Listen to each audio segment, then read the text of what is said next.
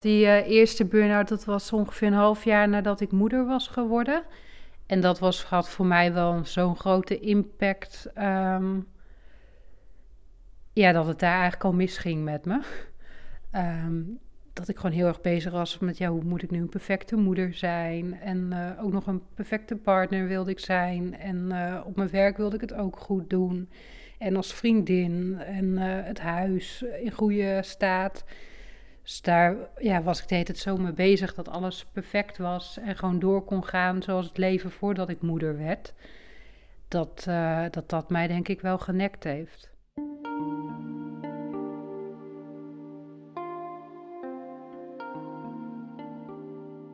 Zeker op Insta. Je ziet altijd van die andere moeders voorbij ziet komen en dan zie je wat ze allemaal doen. En uh, dat, uh, dan denk ik van wat mis ik waardoor ik dat niet kan en waarom ik elke keer vastloop. En uh, ja, ik word me gewoon continu voorgeschoteld overal om me heen van uh, dat alles perfect is. Ik was laatst ook nog in een winkel en werd er ook weer zo'n reclameslogan omgeroepen over de perfecte kerst of ik weet het niet meer. Dat ik ook dacht van eigenlijk ook gekheid van dat alles maar perfect moet zijn en... Uh, dan heb je aan de andere kant nu weer die hele tegenbeweging van dat het allemaal imperfect mag zijn. Maar, maar dat is dan ook weer een kunst die je moet kunnen.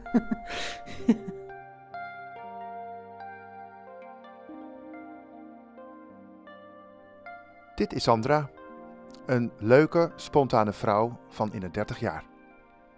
Ze is getrouwd en moeder van een dochtertje Emma. Ze heeft een baan, maar ook een burn-out. En nu zit ze thuis. Ze is helaas niet de enige.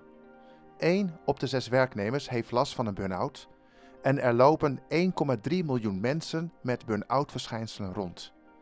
Maar wat is een burn-out precies en waarom lijken we er steeds jonger last van te hebben? Wat gebeurt er nou precies met je als je een burn-out hebt? Welke gevolgen heeft dat? En wat doet het met je? Ja, ik vind het heel heftig. Uh, ik, uh, ik noem het zelf ook wel alsof ik door een soort hel ga. Dat uh, klinkt misschien heel zwaar, maar uh, ja, het is echt gewoon super pittig. En ik zit nu al twee maanden thuis. En ik heb het idee dat qua energie dat er nog niet veel beter is. Dus ik heb ook ongeveer op een dag, um, ik heb een spanningsboog van ongeveer in het begin van een uur. Zeg maar dat ik een uur met iemand klets voor de gezelligheid of uh, creatief iets doe. En dan is het opeens op. En dan, ja, moet ik weer herstellen daarvan. Ik merk nu na twee maanden van, uh, dat het iets langer is, anderhalf uur.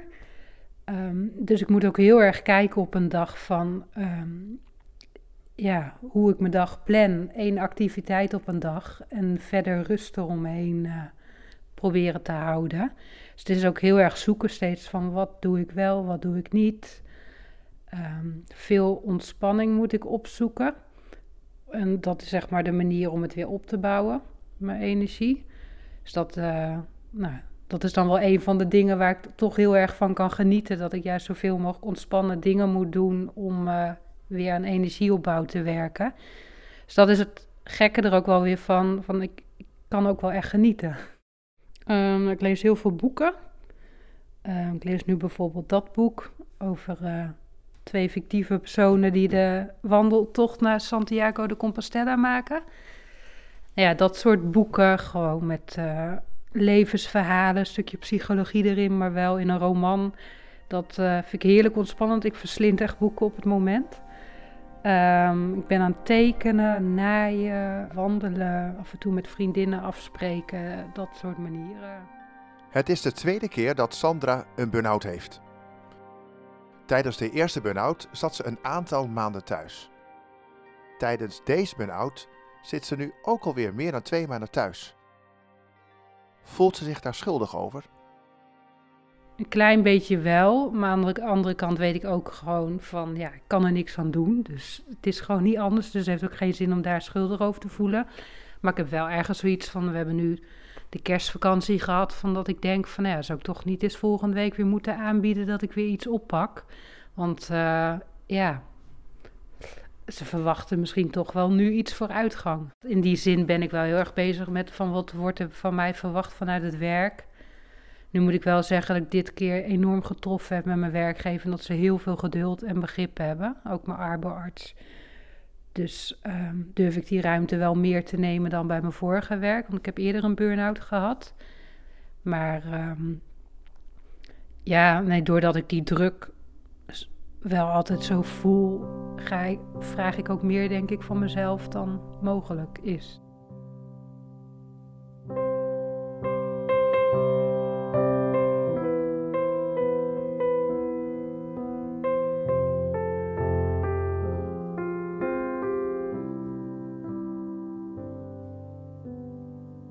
Ja, en dat is wel echt mijn probleem. Dat ik het gewoon allemaal te goed wil doen. En het heel moeilijk vind om het los te laten.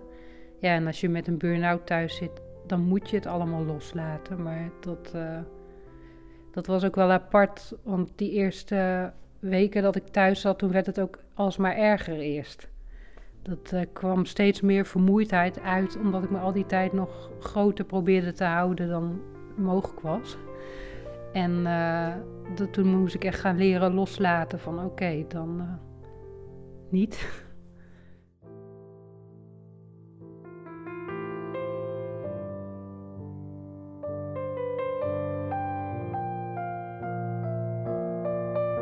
Maar ja, ondertussen zie je wel, ik zie dat Emma daaronder nou ja, leid is een groot woord, maar die vindt bijvoorbeeld op het moment heel moeilijk om naar de kinderopvang te gaan. En dan wil ze bij mama thuis blijven. En het moment dat Emma wakker wordt en weet dat ze naar de kinderopvang moet.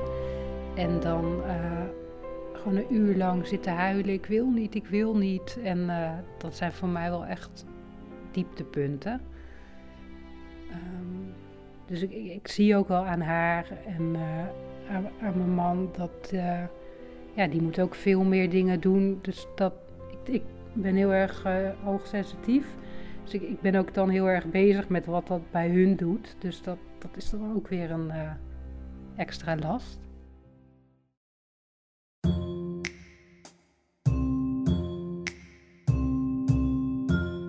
Ondanks de burn-out blijft Sandra hoopvol gestemd.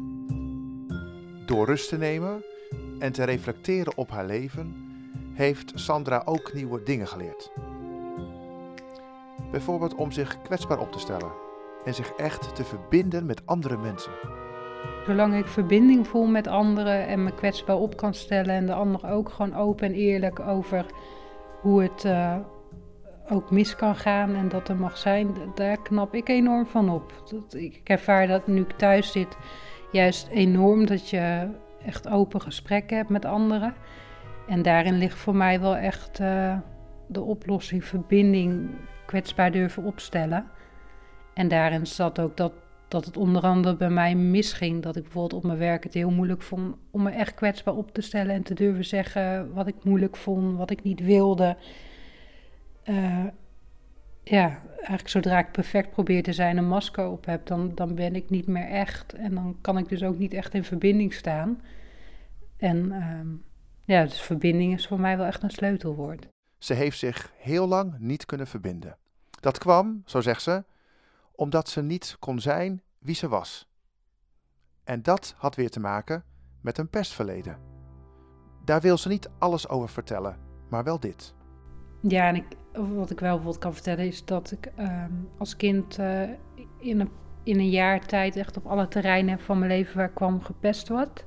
Bij de kerk, op de sport, in de straat, thuis, um, school, Um, en dat heeft wel heel veel met mij gedaan, waardoor ik al, ja, gewoon altijd superveel bezig ben met uh, hoe wordt er naar me gekeken, hoe kom ik over, hoor ik er wel bij. Um, ja, dus dat, dat uh, vreet bij mij wel heel veel energie. Um, ja, dus naast dat ik gewoon een heel erg drang heb om het allemaal goed te doen, speelt dat pestverleden daar dus ook wel echt een rol in. Um, ja, en dat ik het andere heel erg naar de zin wil maken. Ik weet nog dat ik uh, op korfbal zat en dan zat ik, uh, we zaten toen in een busje. Dan werd je vervoerd naar de volgende wedstrijd. En dat bijvoorbeeld die hele bus um, dingen zei als dat ik een heks was en met elkaar maar uit zat zaten te lachen. Um, nou ja, dat. En dat ik op school dat ze dingen zeiden van in de klas van hebben we honing aan ons, aan ons zitten of zo, van omdat ik ze achterna liep. Ehm, ja, het is gewoon heel apart. Het was echt in een jaar tijd gewoon op alle terreinen van mijn leven. Dus dat. En toen heb ik het op een gegeven moment toch durven vertellen tegen mijn ouders. En toen hebben ze ingegrepen. En toen uh, is het gelukkig ook over gepraat. En toen is het opgelost. Nou ja, de buitenkant. Maar dat heeft wel zo'n impact gehad. Dat, ik heb nu ook zoiets van. ik ga ook nog bij de GGZ voor hulp. En dan wil ik ook eens informeren of ik bijvoorbeeld EMDR daarvoor kan krijgen. Dat is een manier van traumaverwerking, omdat ik denk, dat, ja, dat, dat, dat speelt een grote rol bij mijn burn-out, denk ik. Ja. Ja, dat is heel raar dat iets, dat zoiets. Uh, ik vroeg ook laatst aan mijn moeder van, uh, ben, zagen jullie mij ook veranderen voor en na dat pesten? En dat ze ook zei van ja, dat ik wel een ander kind geworden was. Ik zie nu mijn eigen dochtertje en zo was ik ook een beetje lekker eigenwijs en de eigen gangetje gaan. Dat ik denk, ja, dat stukje wil ik ook wel weer terug. gewoon lekker vrij en ja, gewoon doen waar je voor staat en waar je zin in hebt. En ik ben me gewoon zo ongelooflijk gaan aanpassen aan iedereen. Dat wie ik echt ben ergens achter me op de tweede plaats staat. En, uh, maar ja, het is zo'n eigen. Dat is zo eigen geworden, die manier van handelen, dat het voor mijn idee heel veel energie vraagt om die oude ik weer te worden. Um, ja, dat het soms makkelijker is om het maar te houden zoals het was. Maar ja, dat, dat nekt me dus op een gegeven moment. Maar ik heb nu wel zoiets van. Uh, ik ben 34, het wordt tijd uh, om mijn oude ik te worden. Dus dat. Uh, daar ga ik voor.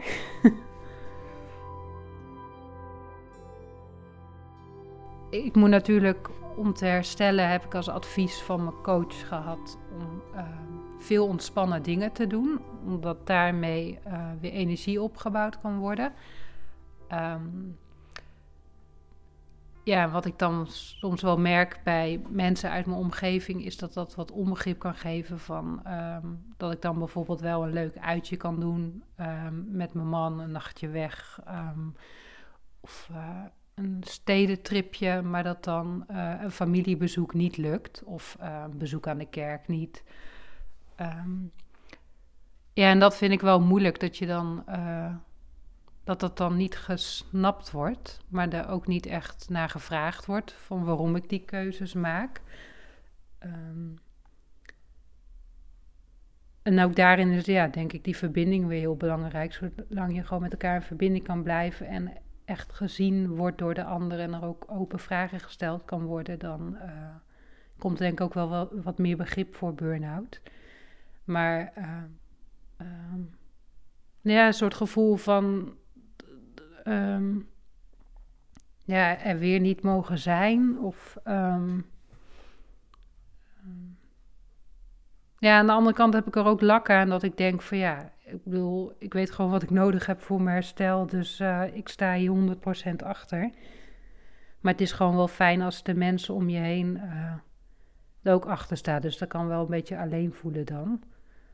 Um, nou ja, wat nu op dit moment gewoon heel erg helpt, is dat ik mensen om me heen heb staan die bijvoorbeeld aanbieden om op mijn dochter te passen. Zodat ik even rust kan hebben. En die, die snappen dus ook van, um, oké, je, je hebt die rust gewoon keihard nodig. Um, dus wij willen daarin helpen. Dat helpt mij enorm. Um, ja, en, en, dat er ook dat mensen gewoon laten merken van, nou ja, neem de tijd die je nodig hebt. Um, geen haast. Um, ja, dat dat er mag zijn. Rustig de tijd ergens voor nemen. Ze had altijd haast, ze was druk, maar op een of andere manier kon ze het allemaal managen. Maar het ging mis toen ze moeder werd. Ja, ik, ik heb het idee dat sinds ik uh, moeder ben geworden, dat uh, werk de druppel is geworden, waardoor ik op mijn werk uitval. De eerste keer een half jaar na de geboorte en uh, nu dan weer. Ehm, ja, ehm, ik heb nog meer ballen in de lucht te houden nu. En dat lukt dus niet. En ja, werk is toch de plek met de meeste verplichtingen waar je, ja, waar je je nog meer geeft dan op andere plekken, denk ik. En uh, nou ja, op een gegeven moment hou je dat niet meer vol en dan, toen viel ik uit. Er zijn zat mensen die al die ballen in de lucht hebben te houden.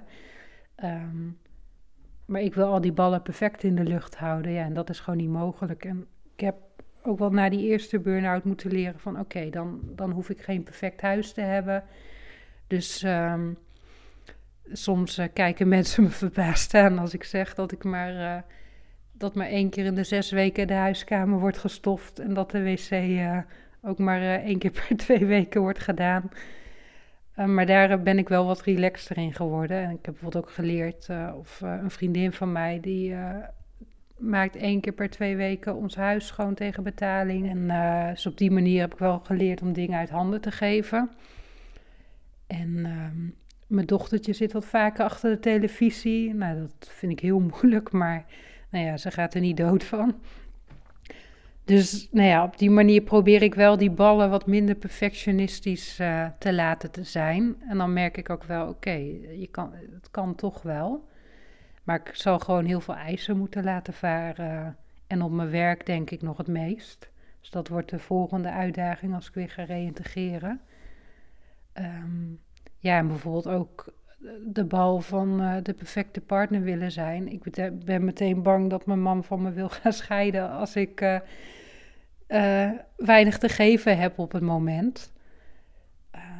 ja, dan denk ik later ook, ja, waar slaat dat op? Maar dat komt ook omdat je in de maatschappij gewoon de hele tijd dat alleen maar om je heen ziet. En ook nog van dichtbij meegemaakt dat een familielid ging scheiden. Dus dan ja, denk je ook haast van, nou, voor een goede relatie moet je ook wel uh, wat te geven hebben. Het voelt dan echt een beetje van, nou, uh, mijn man heeft een kat in de zak gekocht, twee keer een burn-out, dan uh, is de moeite niet. Dus nou ja, dat, daarin is dit, deze burn-out wel weer een les van, om echt te leren geloven van, ook als je weinig te geven hebt, ben ik toch waardevol. Dat nou ja, dat wil ik proberen te geloven. Ze heeft nog een lange weg te gaan en toch is ze vastbesloten om er sterker uit te komen. Maar dat is nog niet altijd makkelijk, want als je een burn-out hebt, dan ben je moe. Heel erg moe. Ik merk bijvoorbeeld dat ik uh, zo'n 9 à 10 uur slaap nodig heb om uh, de dag aan te kunnen. Um, ik heb natuurlijk een dochtertje van drie, dus uh, nou ja, tegen de tijd dat zij aangekleed is en ik aangekleed ben en opgestart, dan moet ik vaak alweer bijkomen. Ja, dat, dat vind ik zelf nog steeds een heel raar iets, dat ik denk, nou ja, gewoon aankleden, opstaan, uh, dat je daar alweer van bij moet komen. Blijkbaar is dat dus ook al intensief. Um, en ik ben nu ook bijvoorbeeld gestart met uh, elke week op woensdagochtend een paar baantjes trekken en in het zwembad. En dan uh, ben ik gewoon.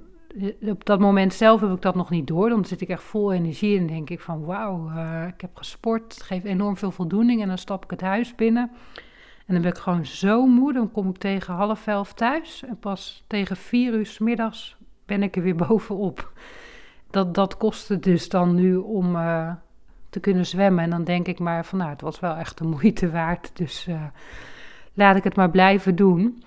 Maar ja, dan de volgende week als je weer gaat, dan denk ik van oké, ik ga vandaag dus zwemmen. Dan moet ik dus verder niks plannen, want dan is dat mijn activiteit voor die dag. Um, ja, en ik elke middag uh, doe ik een dutje van een half uur of een uur. Of als het niet lukt om te slapen, dan lig ik gewoon een half uur stil om uh, ja, er weer uh, bovenop te komen.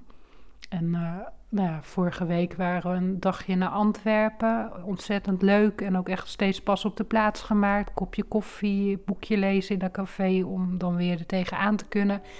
En die dachten, nou ja, dan krijg ik de rekening. En dan, uh, dan ben ik ook pas de volgende dag tegen vier uur of zo, ben ik er weer bovenop. Dan begint mijn dag. Dus ja, ik ben, mijn lichaam is ontzettend moe. En ja, dat bouw je dus ook niet zo 1, 2, 3 weer op. Dat heeft heel veel tijd nodig. Voor deze podcast sprak ik Sandra aan het begin van het jaar. Ondertussen zijn we een aantal maanden verder en is de coronacrisis een feit. Ik besluit haar op te bellen. Nadat we eerst een beetje bijgekletst hebben, vraag ik haar hoe het met haar gaat. Ja, uh, nou, ik ben inmiddels zit ik een uh, half jaar thuis van burn-out. En uh, ik heb het idee dat het eindelijk weer een beetje een stijgende lijn gaat worden. Ah, mooi. En ik ben wel weer wat meer hoopvol gestemd, ook doordat ik zie dat dat de dingen die ik leer van mijn coach, ehm, ja, dat ik dingen anders ga doen en met, met fijn resultaat. En, en, en, wat voor dingen zijn dat dan, die je hebt geleerd nu? Dat ik niet allerlei dingen waarvan ik vind dat die moeten in huis, dat ik die ook allemaal moet doen. En dat ik uh, leer om meer in het moment te leven. Dus, oh ja. Uh, ik, ik heb heel erg de neiging om altijd vooruit te denken aan alles wat nog gedaan moet worden. En um, nou ja, te berekenen. Heel erg ja, nadenken over alles. En nu um, ja, probeer ik meer in het moment te leven en te denken van uh, oké, nu dit. En dan zien we later wel weer wat er dan komt en hoe ik het dan doe. Ja, wat grappig. Want jij zei eigenlijk toen uh, van uh, je had ook mede een burn-out ja, door een heel aantal factoren. Ja, je noemde ook uh, uh, toch een aantal ballen in de lucht hoog houden. Maar als ik jou nu hoor, dat, dat, dat is nog steeds zo misschien, maar het is dus ook wel de manier waarop jij naar de dingen kijkt. Hè? Die is anders geworden. Ja, die is wel wat relaxter aan het worden. Oh ja. Wat ik ook wel anders aan, aan het doen ben, is dat ik anders naar mijn rol als mama kijk. Vertel. Um, ja, eerst zag ik het moederschap um, toch ook wel als een last, als een grote verantwoordelijkheid. Omdat ik het heel perfect wilde doen. En nu uh, sta ik daar ook wel wat relaxter in. En probeer ik een vorm van uh, ja, moederrol in te nemen die past bij mij. Bij um, ja, gewoon wat natuurlijker. Ja, ja. En um, nou ja, ook wel dat ik zie dat ik in de momenten die ik met Emma doorbreng, dat die ook gewoon ontspannen kunnen zijn. In plaats van um, dat het mij alleen maar uitput. Um, dus daardoor kan ik ook wel weer meer genieten van haar. Dat is ook wel een mooie verandering als je dat zo vertelt, ja. Ja, ja dat was wel echt een uh, grote vooruitgang. Gaaf hoor, leuk. En, uh, en dat kwam ook wel doordat, uh, door die hele coronasituatie, zat zij natuurlijk opeens thuis in plaats van drie dagen naar de kinderopvang. Ja. En um, ja, dat, uh, dat vond ik wel heel heftig toen ik dat hoorde dat het zo zou gaan. Dat ik echt dacht van, oh, nu uh, ga ik nog verder achteruit. En, uh... Ja, want vertel eens, in één keer was daar die coronacrisis. mensen zitten thuis, jouw man zat in één keer thuis. Je dochter kon niet meer naar de opvang. Hoe, hoe was dat in het begin voor jou inderdaad? Ja, dat was echt uh, schrikken en uh, denken van hoe gaan we dit nou weer doen. En um, ja, in het begin hebben we de eerste week een beetje aangemodderd. Van, uh, dat ik in ieder geval de hele ochtend voor Emma probeerde te zorgen. En dat, uh, dat mijn man dan de middag deed. Ja. En um, nou ja, toen merkte ik al wel van wow, zo'n hele ochtend. dat is eigenlijk te veel en daar werd ik gewoon te moe van. Um, dus toen uh, um, zijn we dingen anders gaan doen. Gelukkig is hij een werkgever waar hij de ruimte had om uh, nou ja, uh, zo in te vullen zijn werk die past bij de thuissituatie nu. Mm -hmm. Dus toen um, hebben we gedaan dat ik maximaal twee uur voor Emma zou zorgen. En um, nou ja, dat ging toen eigenlijk wel. En toen zijn we het langzaamaan gaan opbouwen. En ja, nu doe ik dan de hele ochtenden voor Emma dat gaat eigenlijk heel goed nu. Gaaf. Dus dat is wel een opsteker. En wat we ook wel zijn gaan doen, is dat we met van die dagprogramma's zijn gaan werken, zoals je die ook bij de kinderopvang van hebben. En dat we gewoon een hele dagindeling maken die we met Emma doorbespreken, waarin ze precies weet van nou, nu moet ze even zelf spelen en geen vragen stellen. En dan uh, geef haar een uh, koptelefoon met een luisterboek op en dan uh, gaat ze heerlijk spelen, soms wel anderhalf uur, terwijl ze voor die tijd echt vaak uh, geen zin om te spelen. Zo, wat een verandering, hé? Ja, dus zij is ook wel meer tot rust gekomen, lijkt het. Doordat ze nou ja, wat meer structuur heeft en minder uh, vermoeid is naar de opvang. En uh, dus we eigenlijk zien eigenlijk wel dat het ons heel erg goed doet als gezin. Gaaf. De coronacrisis is heel erg natuurlijk uh, voor iedereen. Uh, kan je nou ook zeggen dat, nou laat ik niet zeggen de coronacrisis, maar gewoon de manier van leven die we nu met elkaar in ieder geval nu op dit moment hebben, heeft dat jou uiteindelijk ook wat goeds gebracht? Jazeker, eigenlijk heel veel goeds.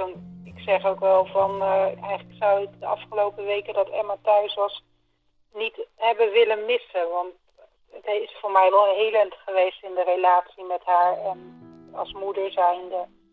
Um, om echt van haar te kunnen genieten en uh, te zien hoe belangrijk ze voor me is. Ja. En ook gewoon de tijd als gezin samen. Dat je gewoon in de drukke stad veel minder opties hebt om nu allemaal te doen. En dat je gewoon meer gezinstijd hebt en gezelligheid. En uh, ja, dat heeft ons al heel veel gebracht. Ja, je bent eigenlijk gewoon meer op elkaar aangewezen, soort van, hè?